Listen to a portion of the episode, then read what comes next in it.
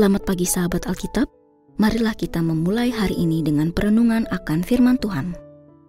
Bacaan Alkitab kita di hari ini diambil dari Bilangan 13 ayat 21 sampai 33. Mereka pun pergi mengintai negeri itu mulai dari padang gurun Zin sampai ke Rehob, ke Lebo Hamat.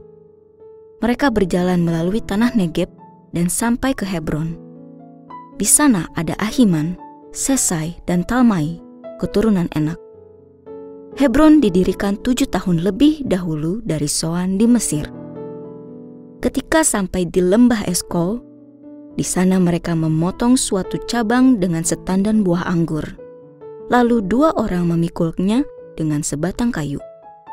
Mereka juga membawa beberapa buah delima dan buah ara.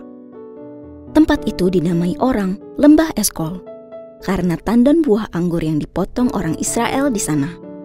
Sesudah 40 hari mereka pulang dari pengintaian negeri itu, mereka pergi menemui Musa, Harun, dan segenap umat Israel di Kades, di padang gurun Paran.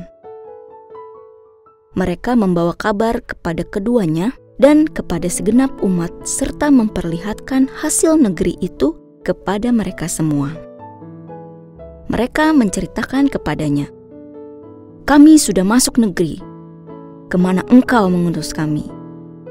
Memang negeri itu berlimpah-limpah susu dan madunya. Inilah hasilnya. Hanya saja bangsa yang tinggal di negeri itu kuat-kuat. Kota-kotanya berkubu dan sangat besar.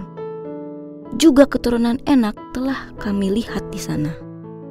Orang Amalek tinggal di tanah Negeb. Orang Het, orang Yebus, dan orang Amori tinggal di pegunungan.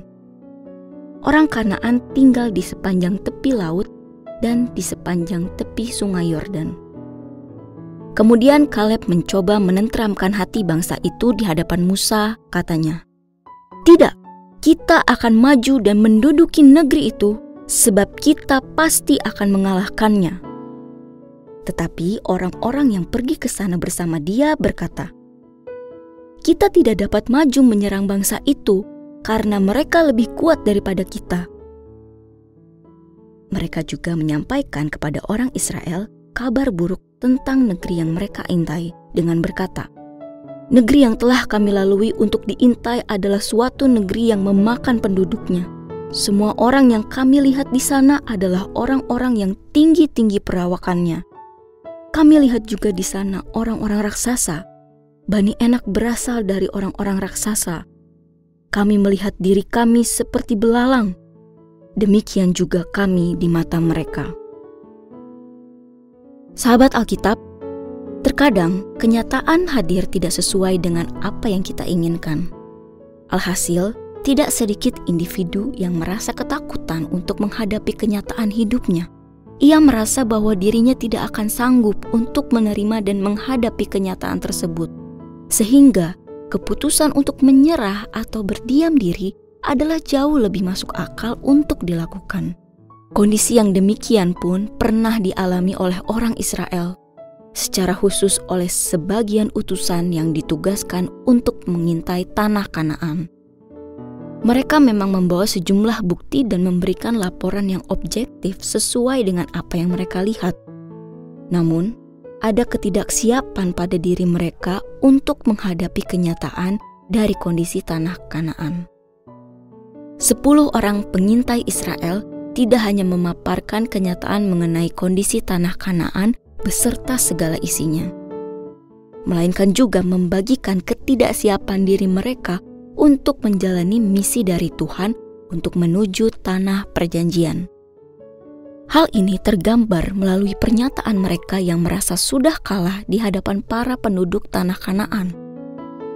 Mereka merasa tidak sanggup untuk menghadapi kenyataan bahwa ternyata tanah Kanaan diisi oleh orang-orang yang kuat dan jauh lebih mapan daripada orang Israel.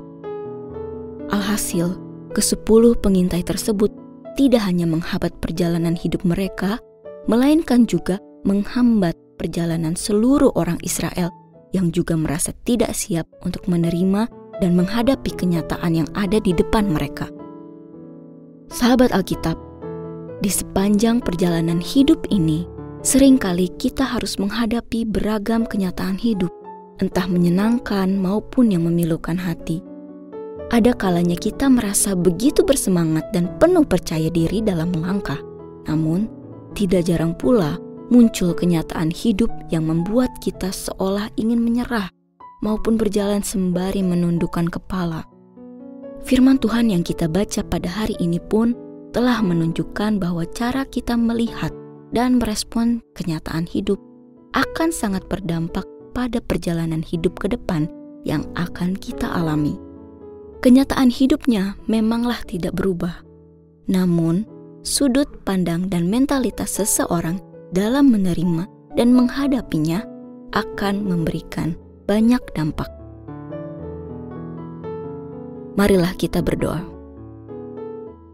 Bapa kami, pada hari ini kami mengucap syukur atas firman Tuhan yang sudah kami dengar. Ya Bapa, pada hari ini kami berdoa, meminta petunjukmu untuk kami bisa bijaksana dalam menghadapi peristiwa dalam hidup kami, mengambil keputusan, juga bangkit dari keterpurukan. Kiranya kasihmu meliputi hati kami, sehingga kami dipulihkan dan terus berpengharapan kepada Engkau dalam nama Tuhan Yesus kami berdoa. Amin.